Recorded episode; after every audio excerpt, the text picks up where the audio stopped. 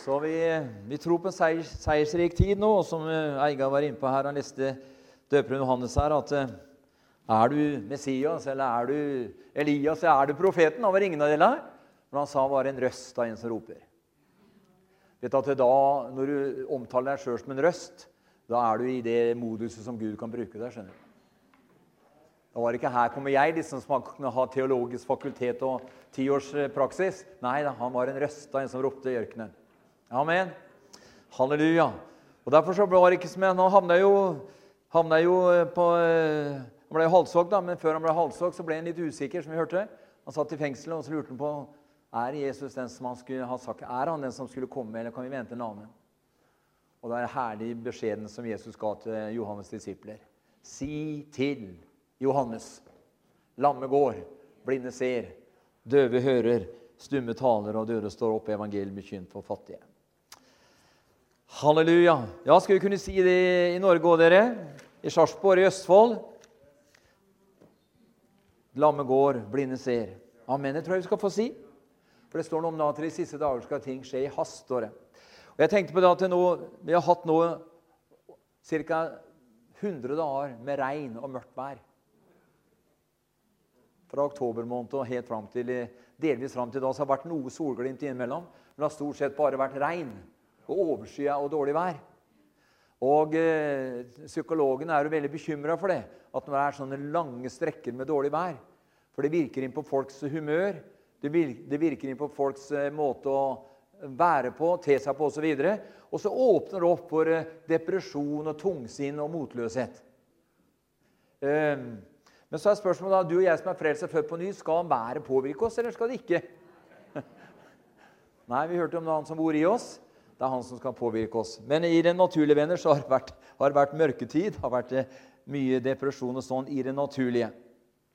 Men halleluja, vi er født på ny, og eh, eh, eh, han som begynte, han skal fullføre, osv. Jeg tenkte i går på, litt, i går på dette her med at eh, Gud bruker eller tar det lille du og jeg har, og kan gjøre noe stort ut av det. Tenk bare det at når Gud skapte himmelen og jorden av ingentingen, står det. Altså av null. Av ingenting. Så skapte han himmel og jord. Han talte, og det skjedde. Han bød, og det sto der. Og han sa la det vrimle av liv i havene og i elvene. Og plutselig så vrimla det av liv. Altså, Gud skapte alt ut av ingenting. Og Det er nemlig derfor eh, Johannes kunne si han var en røst av en som ropte. Han så på seg sjøl. Han var egentlig ingentingen.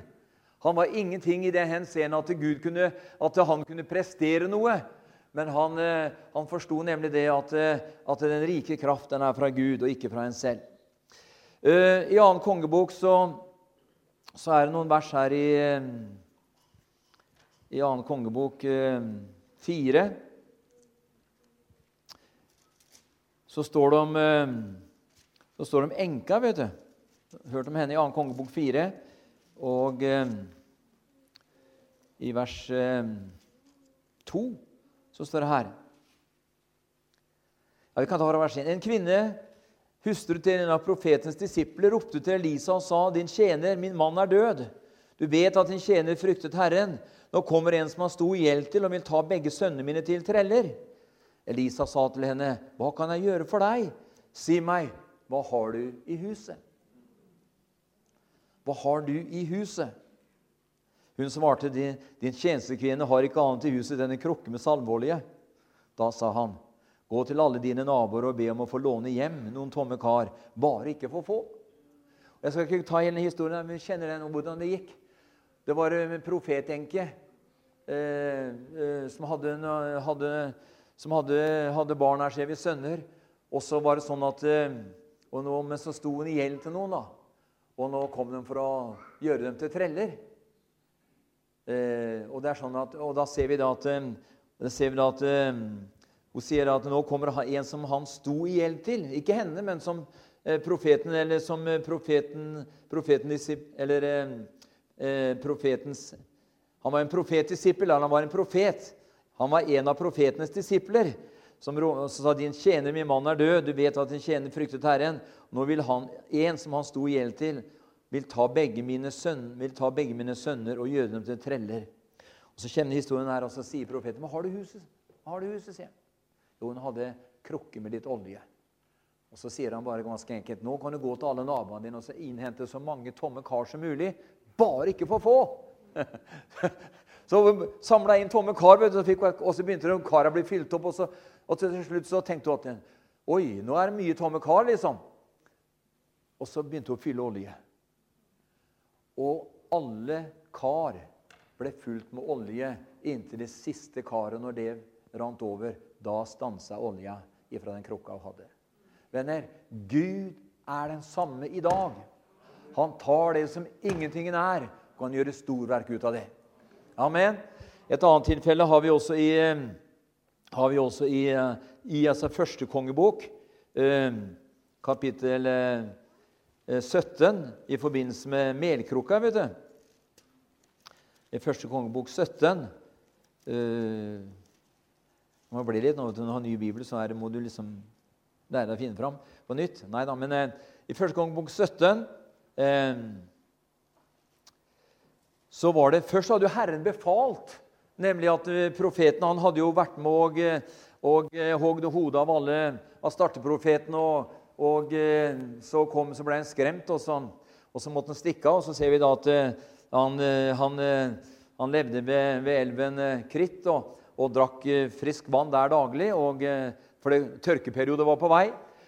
Og Ravner kom med to, to kjøttmåltider til ham om dagen. Ikke sant? Men til slutt så tørka elva ut, og han måtte bevege seg. Og så sier Herren til henne at jeg har, du skal gå til Sarepta, sin, for jeg har befalt en enke der å sørge for deg. Og Vi kjenner historien at uh, han, uh, han, kommer til denne enka, da, og han får se den enka som var ute der. Og, og, så, og så, kjenner vi historien hvor han sier det at, hvor hun sier det at pga. hungersnøden altså var de, hadde hun så lite igjen. Så sa jeg bare litt mel sa, og i krukka. Eh, og så var så hun var ute og sanka noen kvister, så hun, kunne, så hun kunne bake et lite brød til seg og sønnen sin, og for deretter å dø. Men så møtte hun profeten, vet du. han som hørte fra Gud. Og så er han så frimodig og sier du, bak et brød til meg først. da, sa han. altså bare det også, liksom, Her treffer du på ei enke som er nedbøyd og vet at nå er det bare litt mjøl i krukka igjen. Det er nok til et lite brød, et franskbrød til sønnen min og meg. Og så skal vi bake et lite brød, og så skal vi legge oss ned. Og så skal vi leve skal vi, så lenge vi puster av maten av det brødet, for så å dø. Så treffer hun på den profeten, så sier han, så forteller hun det. Så sier han, 'Men bak først et lite brød til meg.' Altså, Hvis du og jeg skulle kan tenke deg liksom, bak først et lite brød til meg Altså, Det var en sånn en, Det kan virke liksom sånn Litt sånn sleip, sånn, sagt på sånn østfoldspråk. Liksom. Det var litt sånn, Men du skjønner at det, hun forsto hvem hun snakka med. vet du. Og Det var Matteus 6,33. Søk først Guds rike og hans rettferdighet, skal du få alt, alt andre i tillegg. Og Vi ser bare her at hun gjorde som han sa. Halleluja. Og den melkrukka venner, den gikk ikke tom.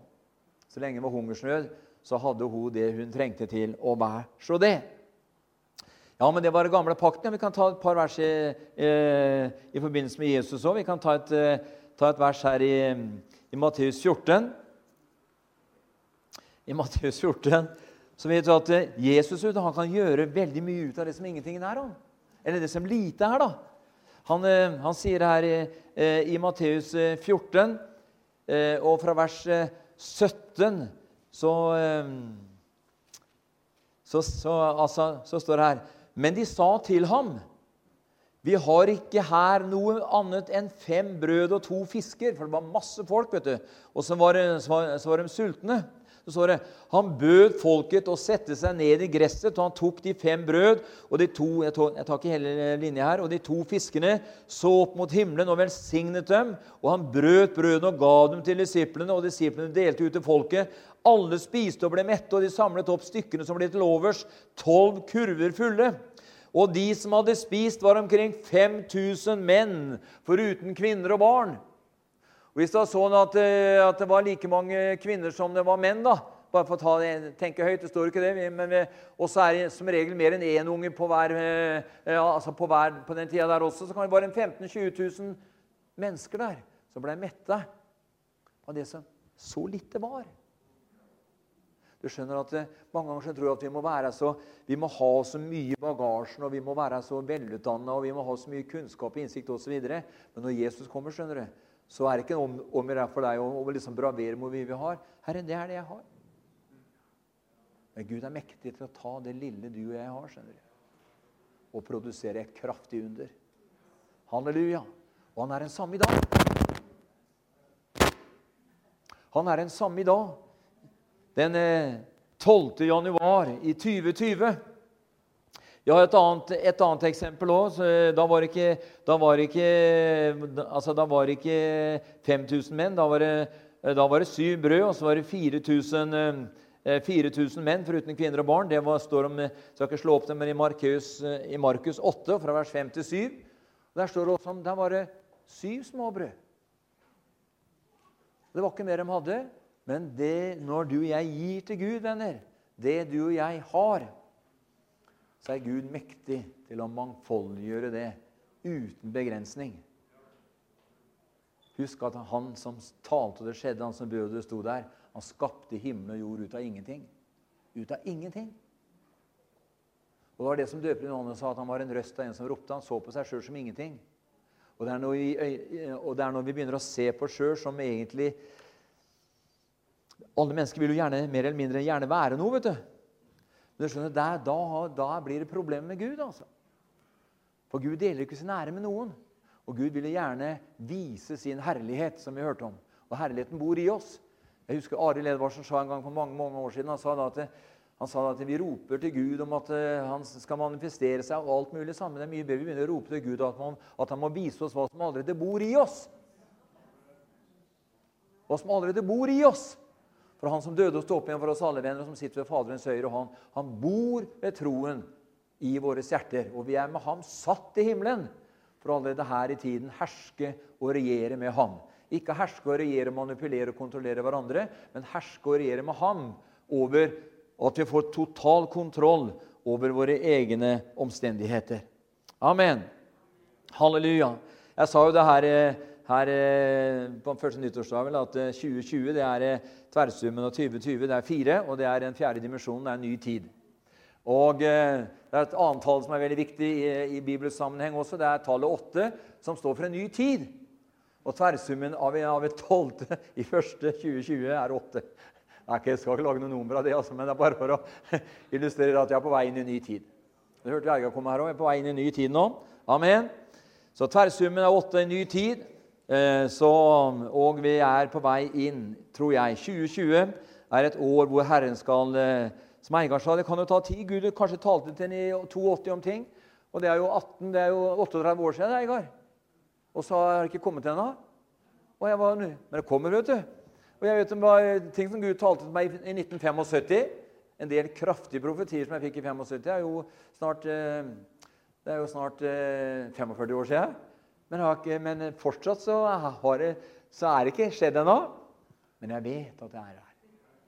Fordi jeg er levende i mitt hjerte. vet du. Men det er klart at du, som, som eieren sa, kan, så kan det komme, komme, tider og situasjoner hvor ting Ja, tiden går, og til slutt så blir det litt sånn tregt. Det blir litt Ja, det, liksom, det, blir, det blir, så lang, langt, var så lang tid tilbake, liksom, når Gud talte. Men du vet at han, han kommer aldri for seint. Han kommer til rett tid osv. Halleluja. For Det er nemlig ikke du og jeg som skal oppfylle Guds løfter. Vi vet at Jesus Kristus har alle Guds løfter i ham fått sitt ja og sitt amen. Så det vil si da at eh, alle Guds løfter har i Kristus Jesus fått sitt ja og sitt amen. Og sånn er det med alle Guds løfter til deg og meg også. For det står om at det ordet som ble sendt ut, sier Esaias 55, vel, det vender ikke tilbake før det har utført det det ble sendt for å utføre. Og Jesus var det ordet som ble sendt fra Gud.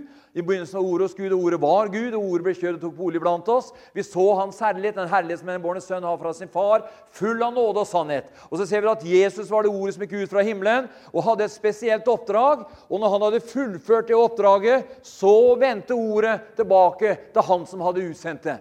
Nemlig Gud Fader.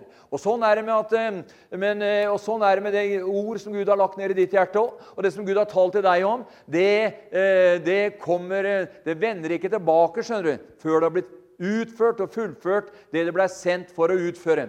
Og jeg tror rent profetisk venner, så er det så mye hilsener til både deg og meg og til menighetene i denne by og, så videre, og i dette fylket om hva Gud har talt, og hva Gud skal gjøre. Og jeg tror at masse av det ligger der og på en måte ligger der og så som Høna ligger der og ruger på egga. vet du, sånn er det. det ligger, hele åndeverden ligger og ruger på disse løftene. Og når tiden er inne, pang, så slår det til. Jesu, eh, altså, eh, Profeten Esaias var bortimot 700 år før Kristus kom. Så profeterte han om at en sønn er oss født osv. Og, og han talte om han som skulle komme. Og så ser vi da at det gikk det nesten 700 år, men like før det gått når de 700 år, eller like før Jesu fødsel, så kjente, var det noen som kjente at nå er tiden inne. Anna Fanuelsdatter og, og, eh, og, og han, han, andre profeten Sakarias var vel, de visste liksom at nå var tiden inne. Og så, og så ba de fram. Nå er tiden her. Og, så da, og, jeg tror sånn, tro, og jeg tror på samme måte at når Gud skal manifestere det han har lovt deg, og det han har lovt sin, sin forsamling eh, i dette fylket, så tror jeg da at eh, like før det skjer, så vil flere av oss, eller mange av oss, eller kanskje alle sammen, vi vil kjenne i vår ånd at nå er et eller annet på gang. Nå er et, et eller annet på gang. Halleluja. Og når et eller annet er på gang, venner, så bare, så, bare så stiller vi oss til disposisjon, og så begynner vi å be fram det som ligger i Guds hjerte. Halleluja. For at det er jo, eh, det er jo bare sånn at eh, Faderen han, eh, han kommer med bønnesvar til rett tid, osv. Halleluja. Så og Sakarias 4,6 refererer til Eigar her, at det ikke var her, og det er ikke ved makt, men det er ved min ånd det skal skje, sier Herren, osv. Halleluja. Jeg tenkte jeg skulle si litt om eh, dette her i kveld, om dette her med at, eh, at vi er på vei Vi har gått begynt på et, et nytt år, venner. Et åndens år. Og Jeg må bare lese det der verset igjen som jeg, leste, jeg har lest en gang før, men jeg kan lese det om igjen. I, i, i 5. Mosebok, kapittel 20. I 5. Mosebok i 5. Mosebok kapittel 20 og vers 1 så står det her Når du drar ut i krig mot din fiende, og du ser hester og vogner og flere krigsfolk enn du selv har, da skal du ikke være redd dem. Du skjønner, det er så Fort vi begynner å, begynner å, begynner å resonnere menneskelig, så fort vi begynner å resonnere ut ifra en naturlig måte å resonnere og, plan, og, planlegge og, eh, og, kartlegge på, så, så, begynner vi å vurdere mengde mot mengde, eller, eller eh, motstand, eh, motstand, mot det vi sjøl eh, Motstanderen mot det vi sjøl disponerer osv. Men han sier jo her Og du ser hester og vogner og flere krigsfolk enn du selv har. Da skal du ikke være redd dem. For Herren Gud er med deg han som førte deg opp fra landet i Egypt. Halleluja. Halleluja. Så vet at dette her med at når, du ser, når vi ser at det, kommer, det, kan komme motstand, det kan komme plager imot deg som du liksom ikke selv ser at du i egen kraft klarer ikke dette her sånn, men du skal ikke være redd dem, for Herren din Gud, han er med deg. Og jeg tror faktisk det, venner, at det så at det, dette her, Jeg husker at dette her med dåp i Den hellige ånd og gildvete. Jeg husker når vi var jo ja, på slutten av 70-tallet eller på 70-tallet i sin helhet, så var det helt alminnelig at folk ble både frelst og døpt i Den hellige ånd på samme møte. Og så ble de døpt i vann etterpå. Jeg husker, jeg husker, husker vi, Kjell Haltorp og jeg kom en gang fra Stokmarknes. og så, vi, så, skulle vi innom OKS på, altså på søndag på veien hjem. og Det var vel oppe på Skinnsenteret. Og der, var, og der ble stadig folk frelst. vet du. Og da opplevde vi det at da, eh, For det hadde jeg erfart på Stokmarknes at folk ble frelst og døpt Den hellige ånd med en gang. Altså, Det var ikke lange prosessen. Og, eh, og eh, når vi kom på Skinnsenteret, så opplevde vi at det var flere der også som opplevde både å bli frelst og døpt Den hellige ånd på samme møte. Og Jeg tror at Gud er den samme i dag. Så jeg tror at vi skal få, et, eh, få en større dimensjon nå i, eh, i altså 2020. og Vi må ta opp igjen disse her, disse her, den forkynnelsen om at Jesus Kristus er den som eh, føder på ny og døper i Den hellige ånd og ild. Amen. Halleluja. For vi trenger nemlig dåpen i Den hellige ånd og ild. For dåpen i Den hellige ånd og ild det er utrustning til tjeneste, og det gjør at du får motstandskraft. Så du blir i stand til å stå imot det som måtte komme imot på, eh, mot deg på vandringen. Og eh, Jeg skal se litt på dette her, ikke bare det med, eh, med, med dåpen i Hellig Ånd, men jeg tror faktisk du så på pinsedag også. Eh, eh, 3000 ble frelst, døpt og tillagt menigheten.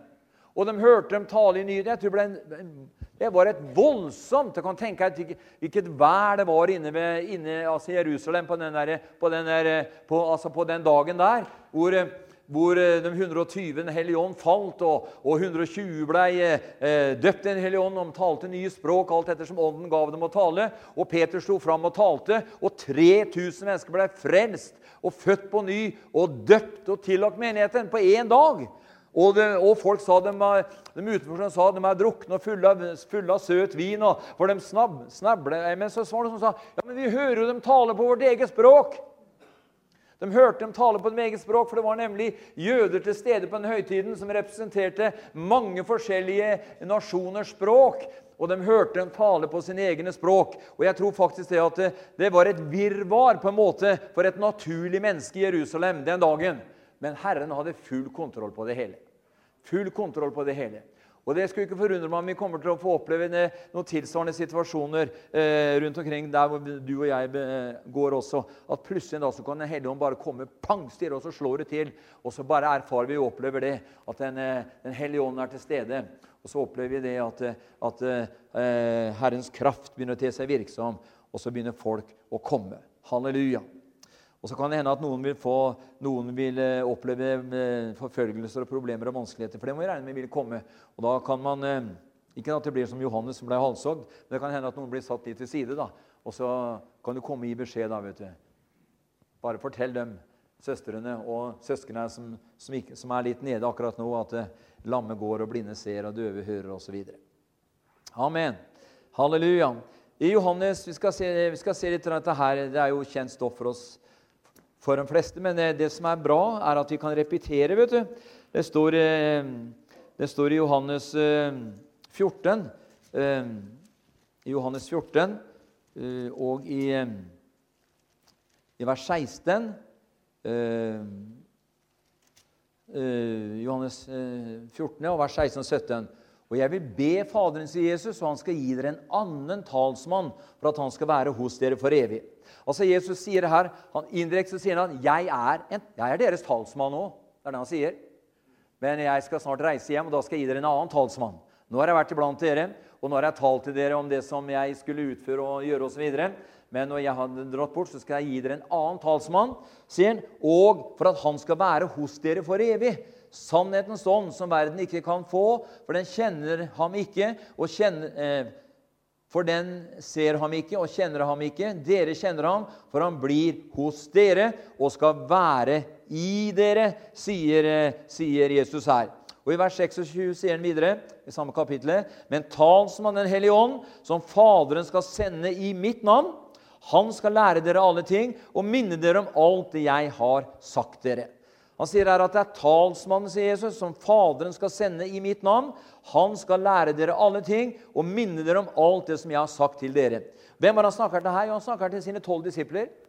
Eller ja, at eh, Når talsmannen kommer, så skal han eh, veilede dere, og han skal minne dere om alt det som jeg har sagt dere. Altså repetisjon. Eh, han skal vitne om meg. og Hvorfor skal han det? Jo, fordi at i kapittel, eh, i kapittel 15 eh, Eh, kapittel 15, vers 26, så står det her nå talsmannen kommer, han som jeg skal sende dere fra Faderen, eh, sannhetens ånd, som utgår fra Faderen, da skal han vitne om meg.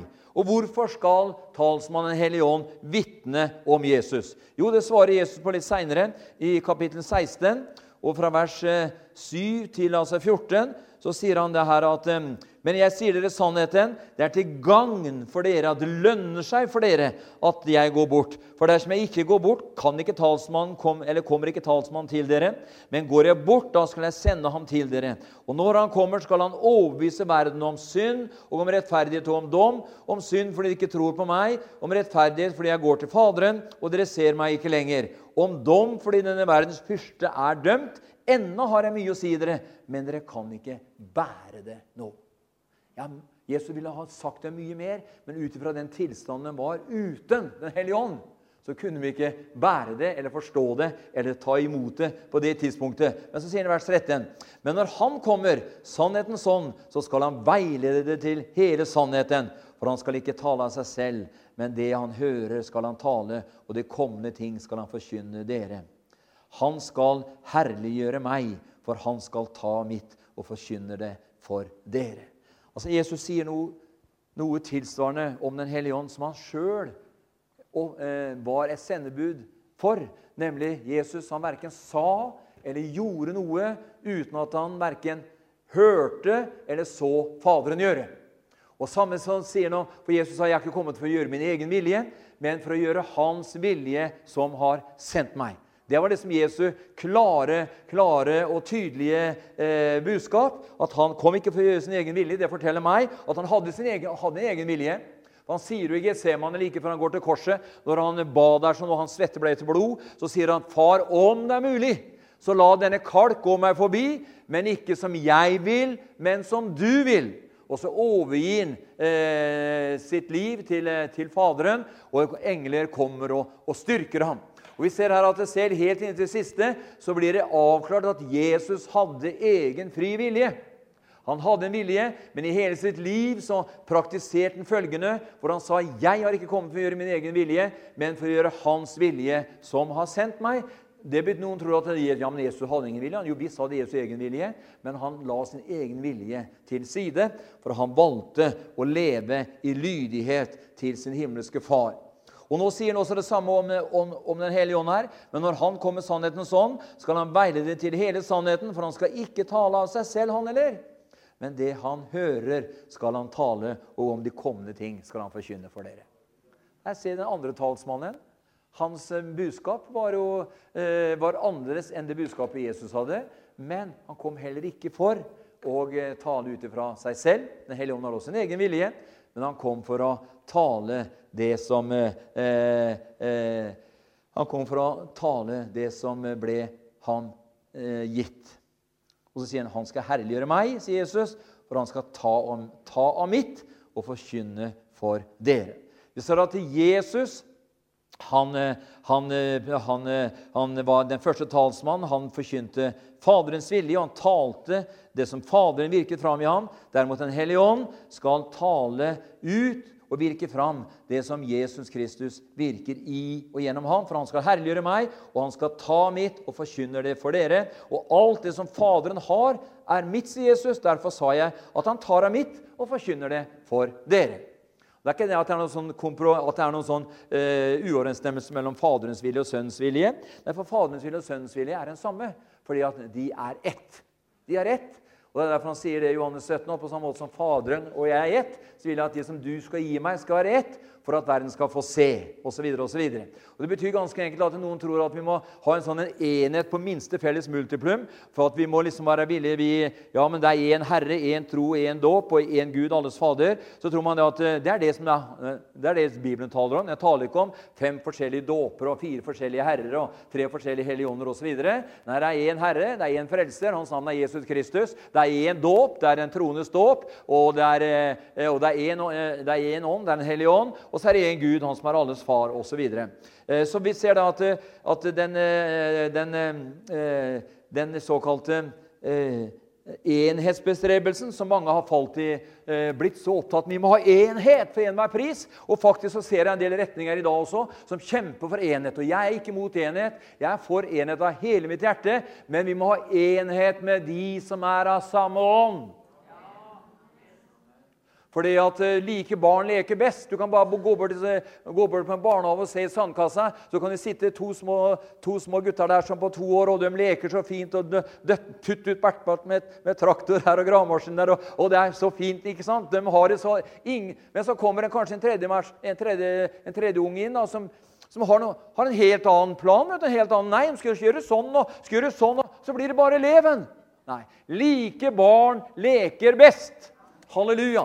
Og Sånn er det i åndens verden også, venner. at vi kan ikke, jeg kan ikke, For at jeg skal bli ett med alle, så kan ikke jeg kompromisse på Bibelens sannheter. Nei. Jeg må holde fast på det som jeg tror er Guds ord, og det som jeg opplever er Guds ord. Ja, men Tenk om du tar feil. Ja, men da får jeg stå til ansvar for det òg. Det er bedre å være, å være overbevist om det en tror på, enn å, ikke, enn å være usikker på alt. Nei. Ikke sant? Ja, det er Noen som sier at jeg vet ikke, jeg kan være usikker på alt. Jeg har lov til å tvile, og jeg har lov til å være bekymra, jeg har lov til å være usikker, og jeg har lov til å være frustrert, og jeg har lov til liksom ikke vite noen ting. Vi vet at vi har gått over fra døden til livet fordi vi elsker brødrene, sier Johannes. Det er et sterkt kjennetegn. Amen. Så, så Jesus han, han, kom, han, sier at 'jeg har mye mer jeg skulle gjerne fortalt dere', men jeg kan ikke bære det nå. Han skulle fortelle dem om de kommende ting, tider osv. Også dette her med Den hellige ånd og mange andre ting som han skulle fortelle dem om. Men i den situasjonen uten Den hellige ånd, uten å være født på ny, uten å være døpt Den hellige ånd, så hadde de ikke kapasitet til å ta imot og forstå og håndtere det som, eh, det som de, eventuelt den, den kunnskapen som, og den informasjonen de måtte ta imot, fordi at de ville ikke være i stand til å kunne ta imot det og forstå det på rett måte de måtte vente til Den hellige ånd kom. Til Den hellige ånd kom. Halleluja. Eh, og eh, vi ser her, i, som jeg sa, i kapittel eh, 16 og 17 så leste vi her at Den hellige ånd kom for å herliggjøre Sønnen. Da blir det feil av deg og meg å herliggjøre Den hellige ånd. Det er en del mennesker som holder på med å herliggjøre Den hellige ånd. Du skjønner, Hvis du begynner å herliggjøre Den hellige ånd, da bedrøver du Den hellige ånd. Den hellige ånds hovedhensikt og hovedoppdrag er å herliggjøre Sønnen. Det er å gjøre Jesus stor. Halleluja. Det er å gjøre han som døde på korset, han som ropte ut 'det er fullbrakt', han som vant universets og eh, største seier i hele historien. Og kommer aldri til å bli en sånn seier i hele universet igjen. Jesus han banet for oss alle en ny og levende vei, venner. Og Derfor så kom, når han kom, den andre personen i guddommen, eller tredje personen i guddommen, når han kom, så kom han skal herliggjøre meg, for han skal ta mitt og forkynne det for dere, sier Jesus. Halleluja. Og vi ser da at, ja, men Så ser vi Johannes 20, da, eh, og i vers 22. Da går det mot, eh, da går det mot avslutningen, eh, eh, altså før pinse. Så ser vi her at i kapittel 20 og i vers 22 så, så Eller ta fra vers 21. Vi vet at etter at Jesus eh, sto opp fra de døde, så var, han, så, så var i 40 dager så kom han og gikk han og, og åpenbarte seg for sine disipler. Og fortalte dem og instru, instruerte dem om det som hørte Guds rike til, står det. Men så kom, da, så kom, eh, så kom, eh, så kom så kom oppstandelsesdagen, eller så kom himmelen, eh, himmelfartsdagen, når Jesus sa at, eh, at han, han, skulle reise til sin far. og, og, og han, han, rykka, han, ble rykka hjem til himmelen. Og så de, Vi ser jo da at de sto der i, i, ja, altså, i apostelgjerningen igjen. Så, så plutselig så ble han løfta opp, og de så han sakte steg opp imot skyen. Og de fulgte med, vet du. Der på Oljeberget fulgte med. Inntil en sky kom og skjulte ham, og så så man ikke lenger. Og Straks så står det to menn i hvite klær der, to engler, og sier på samme måte som han så han fare opp, skal han komme tilbake. På hvilken måte kommer han tilbake? Jo, han kommer tilbake på Oljeberget på samme måte som han så han fare opp derfra. De så ham opp til skyen, men fra skyen og hjem til himmelen så så de han ikke. Og Sånn blir det når Jesus kommer igjen. Når han kommer fra opprette riket, så kommer han tilbake med alle sine hellige. Og da skal, for for kommer det som resultat at eh, jødene har begynt å rope. De har begynt å rope på han som de har gjennomstunget. Og da ser du, da kommer han med alle sine hellige, og når han da brister skyen, da ser alle ham. Jeg skal ikke komme inn på bortrykkelsen her, for den, den skjer jo litt før. Men det er en annen sak. Så, men vi ser at, alt at vi ser her i eh, eh, Johannes 20, 21 eh, Jesus sa til dem, 'Fred være med dere, liksom Faderen har utsendt meg, sender også jeg dere.' Altså, jeg tenkt, I mange år har jeg tenkt på det verset der på samme måte. Som Faderen har utsendt meg, sier Jesus, så sender jeg dere. Og vi ser jo det at når vi ser jo at det er en sannhet. Vi ser bare det at Peter han vekker opp døde. Vi ser bare at Når Peter går forbi, så er det bare skyggen og legger under de syke, syke langs veikanten, eller langs, øh, langs eh, ja, veikanten. ja. Og, så, og, bare Peter går forbi, så er det bare skyggen av Peter faller på de syke, og de blir friske.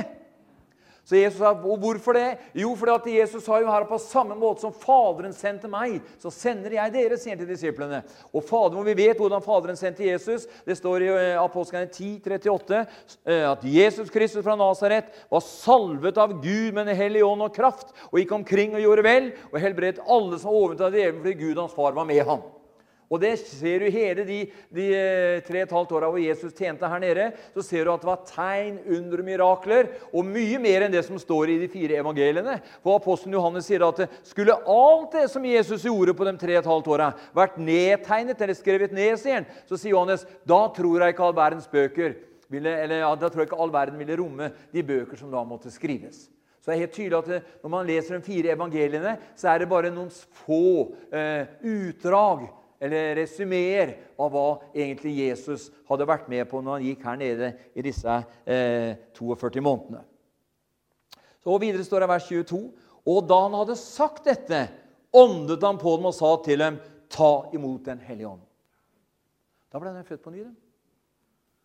Fikk Den hellige ånd, ble født på ny. Men de ble ikke døpt i Den hellige ånd. De fikk Den hellige ånd og ble nye skapning i Kristus Jesus. For det han sier, før han reiser opp til himmelen. Han sier at det skal bies igjen. Det skal bli Jerusalem på den øvre sal, og det skal be inntil kraften, eller det som Faderen har lovet, skal bli sendt over dere. Og I ti dager så var de som han hadde ånda på, som hadde tatt imot Den hellige ånd og blitt nye skapninger, da var, det, da var de i bønn. Og så ser vi da at på den tiende dagen så kom det et veldig vær. Halleluja. Torden, og det var akkurat som det var et veldig brak som kom. Og Den hellige ånd manifesterte seg i form av ild, delte seg og satte seg på enhver av de 120. Og enhver av dem begynte å tale i nye språk, alt ettersom ånden gav dem å tale. Da kom utrustningen. Da kom kraften. Da kom dåpen i Den hellige ånd og ild. Utrustning til tjeneste. Og skal du og jeg ut i åndens tjeneste, ut ut i den evangeliske tjenesten i landet vårt i dag og vinne mennesker, så må vi komme i Den hellige ånds kraft. For det er nok hekser og heksekraft og heksekrefter og alt mulig annet djevelskap som her, herjer rundt omkring i landet, som vil stå imot deg med all sin makt. Og Det er derfor vi trenger utrustningen. Vi trenger Den hellige ånds kraft daglig i, i våre liv. Vi trenger den utrustningen som gjør at vi kan bli stående etter å ha overvunnet alle slag. Amen. Halleluja. Jesus pusta på dem og sa, 'Ta imot Den hellige ånd', og den ble født på ny. Og som jeg sa, det er det første trinnet. Halleluja. Men det er nok til å komme hjem. Det er nok til å komme hjem. Halleluja. Eh, og, eh, men så ser vi da at Jesus i Johannes 7, på den siste store dag i høytiden, så sto han fram og så ropte ut om noen tørster, han komme til meg og drikke. Så sier han, og fra hans indre skal det, som Skriften har sagt, rinne strømmer av levende vann. Dette sa han en ånd de skulle få, de som trodde på ham, for ånden var ennå ikke utgitt, fordi Sønnen ennå ikke var herliggjort.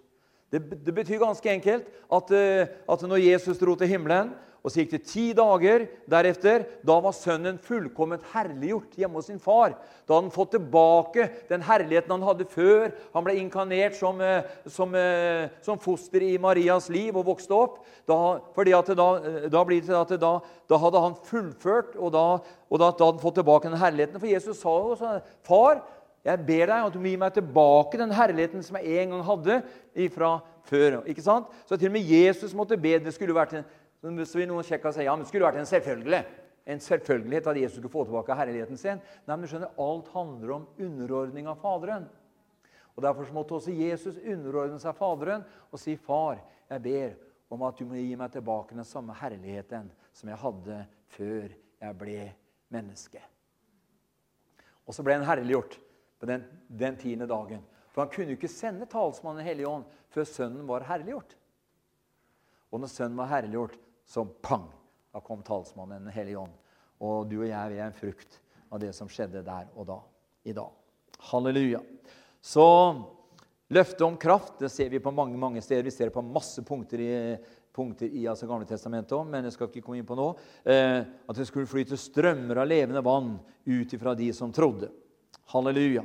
Og Vi ser, fra, vi ser f.eks. i Johannes 6, og i vers, eh, i vers 63 så ser vi det her at eh, det er Ånden som gjør levende. Kjødet gagner ikke noe. Det ord jeg har talt til dere, er ånd og liv. Det ord jeg har talt til dere, det er ikke bare bokstav, men det er ånd og liv. Han sier det er ånden som gjør levende. Kjødet, kjødet gagner ikke noe. De ord jeg har talt til dere, er ånd, og det er liv. Og Paulus bekrefter akkurat det som Jesus sier her. I 2. Korinterbrev 3, vers, eh, vers 6 så sier han Bokstaven slår i hjel, men ånden gjør levende. Halleluja. Og det er at den bokstavreligionen, venner, det er, det er religion. Altså når, når, forkynnelsen blir bokstav, da blir det religion. Og vi har nok religioner i verden. Eh, og vi har til og med kristne religioner også. At det må, ja, men går an å ha, Vi kaller det det, da. Kristendommen. Altså, Det er jo ikke bare, bare, bare reflektere over navnet kristendommen. Hvor står den der i Guds ord om kristendommen? Det står i menigheten i, i Antiokia. Der ble de kalt eh, kristne, står det. Fordi de ligna på han de forkynte. Små Kristuser, egentlig, betyr det. Så vet at, eh, Men det, med, det som har med Jesus å gjøre, det har med en relasjon å gjøre. Det Det har med en person å gjøre. Det har ikke med at du må gjøre så og så mye og gå så mange trinn den veien, og så må du vaske deg fem ganger om dagen, og så må du bøye deg fire ganger om dagen. og alle disse sånne ritualer. Det er ritualer har aldri frelst et menneske. Men det er troen alene på Jesus Kristus og det fullbrakte verk som Han tilveiebrakte for oss, og Den hellige ånd virker fram i våre liv, som, eh, som, eh, som eh, Filippebrevet 2, vers 13 sier, at det er Han som virker i oss står det, til å ville og gjøre det gode, det velbehagelige, det som er etter Hans vilje. Det er nemlig der ligger den kristne livsvandringen. Det handler ikke om Vi kan lage så mye forskrifter og regler. Vi kan lage tavler opp og tavler ned med forskrifter at vi skal, vi skal ikke derfor, Har du ringer i øra, så går du fortapt. Har du, har, du, har, du, har du, på deg slør, så er det et, et plusspoeng. Og har du Vi kan lage så mye og gjøre Går du kledd sånn, så kan du ikke komme inn, for da er du ikke at du skal ja, men Det ikke noe, står ikke noe om det i Guds ord. Det står at det står ganske vi, eh, eh, Gud har aldri vurdert ting ut ifra klesdrakt eller hvordan du ser ut. Selvfølgelig det er fint å se, å se grei og kjekk ut. Ikke sant? Du bør ikke gå med noe som, som, er forferdelig og som lukter vondt, hvis du har noe som er, lukter bedre og ser bedre ut.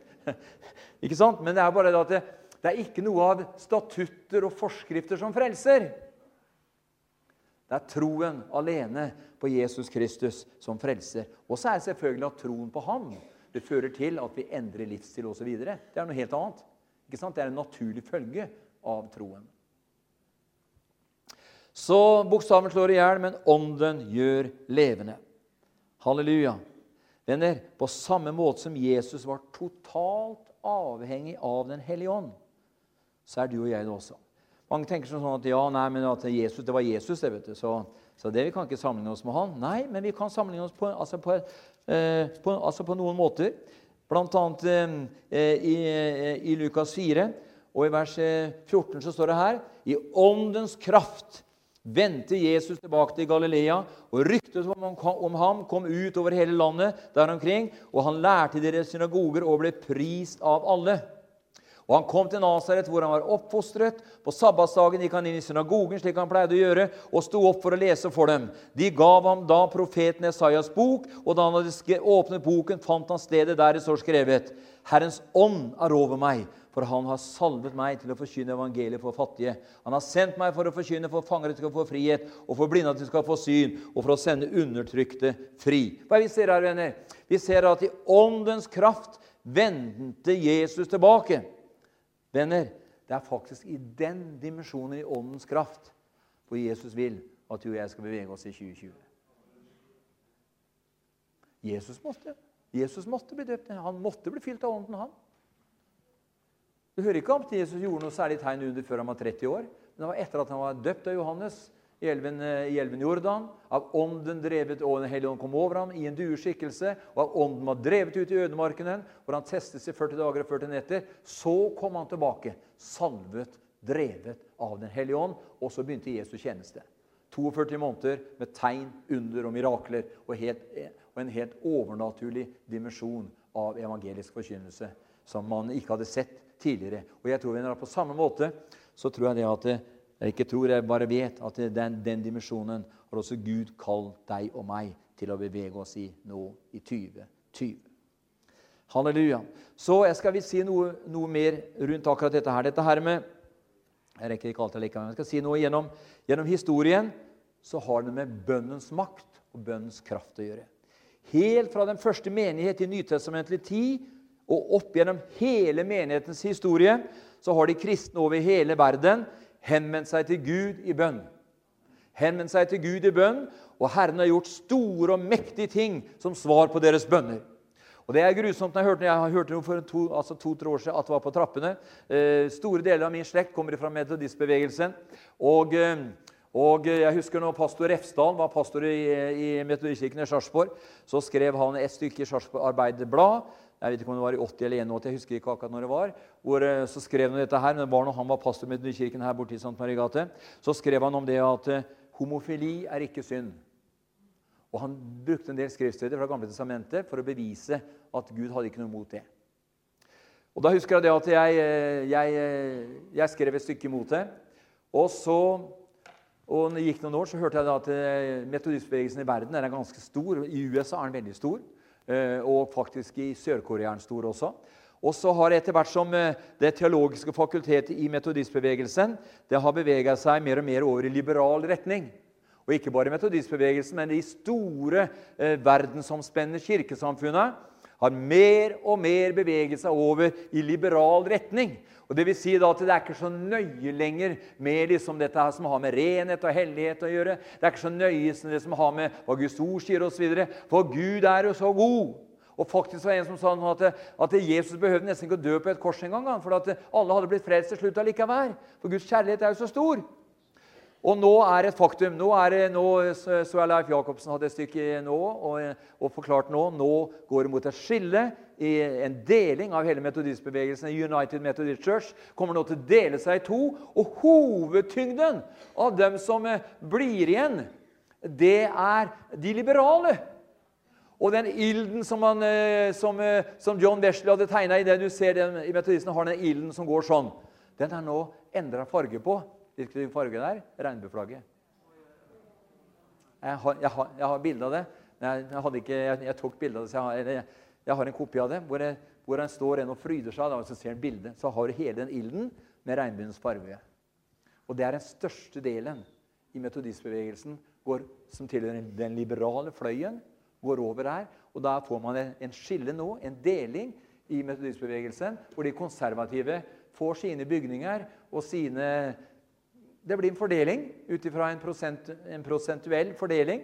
Hvor eh, er det 70% som vil gå den nye liberale veien, og de andre er 30 Så må de ta den, de totale verdiene innenfor ethvert land, og så må de stykke opp dette her og finne en fordelingsnøkkel. Den prosessen er allerede i gang. Så venner, vekter hvor langt er det på natt? Vekter hvor langt er det på natt? Det kommer en dag, en natt, men det kommer også en morgen. Halleluja. Jeg venter på den morgenen ja. når vi reiser hjem. Amen. Halleluja. Så får en bare holde på. Så studerer man bønnvenner og bønnens betydning i Bibelen gjennom historien, så ser vi hva Gud ved sin ånd har gjort og virket fram opp gjennom hele den snart hver 1900 år i historien. Det vi da finner, er at det er en klar sammenheng mellom bønn og overnaturlig inngripelse fra Gud. Studier viser, viser oss, venner, eh, eh, Eh, at der hvor kraftig manifestasjoner av Guds kraft har vært synlig, har det vært bedt inderlig til Gud i forveien. Pensacola-vekkelsen som brøt løs på, på The Father's Day i 1995, der hadde det vært syv år med kontinuerlig bønn i forveien. Begynte i 88. 1988 begynte Kilpatrick og dem og fikk tro for det. Ja. Vi ville ha en åndsutvidelse i menigheten. Syv år var dem. Syv år. Og så kom The Father's Day. Så kom han med stiv hil og sånn. Så så vi det. Pang, sa det. Og så brøt det gjennom. Og så fra dag av så ble det sånn kraft og en sånn manifestasjon. Men det var en menighet på ca. 800 medlemmer. Vet du hva som skjedde? 300 av dem gikk ut av menigheten når vekkelsen kom. Det er interessant. 300 av dem gikk ut. Hvorfor gikk de ut? Jo, for det ble ikke slik de hadde tenkt det det skulle være. Men du skjønner, Gud kommer ikke til å spørre deg, han kommer ikke til å spørre meg. Han kommer ikke til å spørre noen av oss. Han gjør det akkurat som han sjøl vil. La Gud være Gud. Halleluja. Og Sånn kommer det til å skje nå. Og Det skjedde der i Pensacola. 300 eh, forstår seg på det gikk ut. Og det er de som i Judas preker om, det er de som ikke har ånden. står det. De skaper splittelser. De gikk ut. Men det var over 100 000 mennesker venner, som ble berørt av Pensacola-vekkelsen. Over 100 000. Jeg var her borte en kveld, jeg. Eller to-tre kvelder der borte. var der borte. Og eh, vi kom jo veldig Klokka fire om morgenen så satt folk i kø for å komme på kveldsmøte. Men i og med at vi kom fra Norge, da, så vi kom inn litt tidlig. da, der satt de, men Det var jo sommer, da, så der satt de med, med kaffebordene sine og campingstolene og hadde kaffe og niste. og Satt der hele dagen og prata og priste Gud og sånn og venta på møte. Da er det interessant. at når du stiller opp klokka fire om morgenen for å komme på møte på kvelden. Og eh, Det var dåpsmøte hvor vi var på da. De hadde sånn dåps, eh, noe av de greiene her. Det var litt høyere opp. Det var svær sal. Eh, så, eh, og så var det dåp den kvelden også. Og folk ble der. Eh, eh, kontra, kontra i altså Toronto så kom det stort sett ukarismatiske frelste fra hele verden som kom og fikk oppleve åndens dåp og ble, eh, og ble døpt Den hellige ånd. Mens derimot eh, i Pensacola eh, der, der, kom de, der kom de og ble frelst og ble satt fri, og Guds kraft var der. Og det var sånn, De sto for eksempel, de hadde bønnemøter det var en fredagskveld jeg var her, hadde bønnemøter, og så ba, ba de på forskjellige deler, eh, deler av USA. Og, og Europa hadde med, hadde, hadde med, egen gruppe der. Da hadde de, hadde de skrevet Europa over på et sånt flagg der. Der sto det en del der. De ba for Europa. Og så var det en del som sto under en sånn et banner av Kina. Det var noen som ba for Kina. Og så var det forskjellige områder i statene hvor de sto under og ba. Men det var et sånt nærvær. vet du. Så var det en predikant som har vært frelst i mangfoldige år. Han fortalte etterpå ja, når, han kom, altså han kom derfra, hadde vært her hele uke Når jeg var på Pensacola, sånn, så begynte jeg å tvile på om jeg virkelig var født på ny. For det var et sånt gudsnærvær. Det var et sånt et nærvær av Gud. vet du.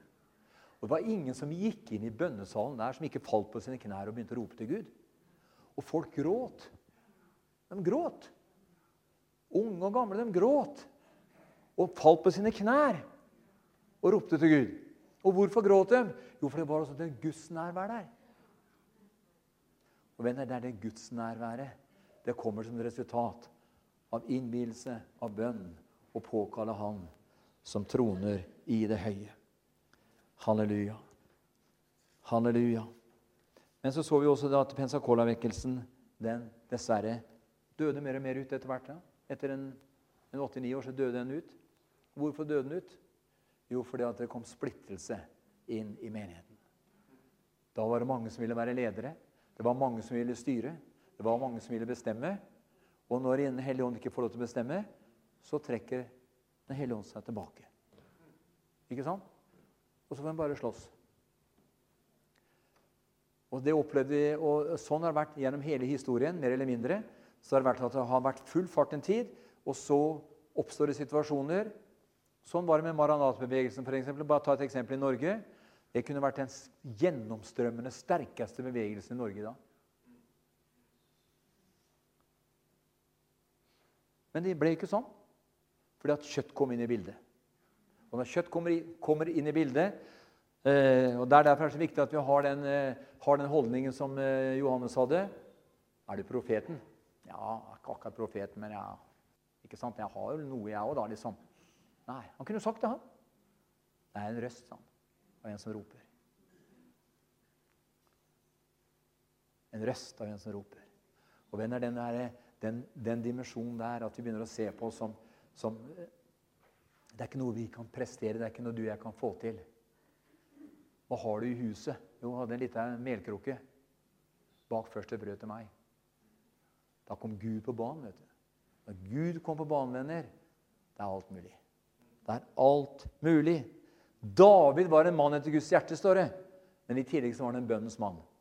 I salmene så kan vi se, lese hvor, da, hvor ofte David søkte Gud og henvendte seg til ham i bønn. Vi ser også hvordan Herren svarte på Davids bønner ved å fri ham ut av farer og vanskelige situasjoner. Og Gud lot David vinne seier på seier. Vi ser at, at Jesus lærte sine disipler eh, om å be. Med andre ord så lærte han egentlig disiplene å gjøre seg avhengig av Gud og ha tillit til ham. Han viste dem ved selv å gå avsides for å være i bønn til Gud. Og så fikk de se, se resultatene av hans eh, bønn og innvielse. Jesus, Før han valgte ut dem tolv, så var han oppe i hele natten, står det. Så var det innenfor Gud. Hele natten. Han gikk avsides og ba og søkte Gud. Og som et resultat av det det fikk disiplene erfare når de så resultatene av mesterens innvielse og eh, eh søkning, og, eh, og, og, på hvilken måte han søkte Gud. Bønn var viktig. Vi leser f.eks. i Apostelgjerningen hvor viktig det, eh, at i den første menighetens tid så leser vi hvor viktig de så på det som har med bønn å gjøre. Vi ser f.eks. Apostelgjerningen 6 og, og vers 4, så står det eh, eh de, Apostlene fikk så mye å gjøre, så de fikk ikke tid til verken ordet eller bønnens tjeneste. Så sier de her, men vi vil hele tiden holde oss til bønnen og ordets tjeneste. Altså, De anså det så viktig at det var umulig for dem som ledere å sløyfe bønnen og forkynnelsen av ordet for å gjøre noe annet. Derfor satte de andre til å gjøre det andre, så de uhindret kunne fortsette med bønnen og ordets forkynnelse. Dette var drivkraften og styrken i den første menighetens liv og virke. Videre så ser vi også klare eksempler på hvordan Paulus så på bønnen og dens betydning når det gjaldt hans kall og hans tjeneste for Gud. I Rombrevet 15, eh, vers 30-31 så sier han.: Jeg formaner dere, brødre, ved vår Herre Jesus Kristus og ved Åndens kjærlighet Strid sammen med meg deres bønner for meg til Gud, og at jeg må bli fridd ifra de vantro i Judea, og at min tjeneste i Jerusalem må bli mottatt, godt mottatt av de hellige. Og vi ser at Paulus visste at forbønn fra de troende var livsnødvendig for at hans tjeneste skulle få den fulle effekt. Og Han sier bl.a. i Efesbrevet 6, vers 18-20 at be til enhver tid i ånden osv. Jeg ble veldig frustrert en gang. Det var på slutten av, av 90-tallet. Ikke frustrert, men det var, kom noen som kom det kom noen sånne eh, veldig ivrige Rema-forkynnere eh, bort altså borte, på, borte, borte på Victoria. Og hadde fått undervisning i det ordet der. Hittil har jeg ikke bedt om noe i mitt navn, men alt fra nå av bedre Faderen om i mitt navn, det skal jeg gi dere. Så han sa til meg Arne, du må passe deg sånn, så du må huske alltid på å be Faderen i Jesu navn, ellers så får du ikke bønnesvar. Akkurat som sa til meg i 98 der at du må be Faderen i Jesu navn. For det er da du får bønnesvar. Ja, men det står det. Hitler har ikke bedt om noe i mitt navn, men alt fra nå av bede Fader om i mitt navn skal han gi dere. Det sa Jesus. Men så kommer det Paulus, da.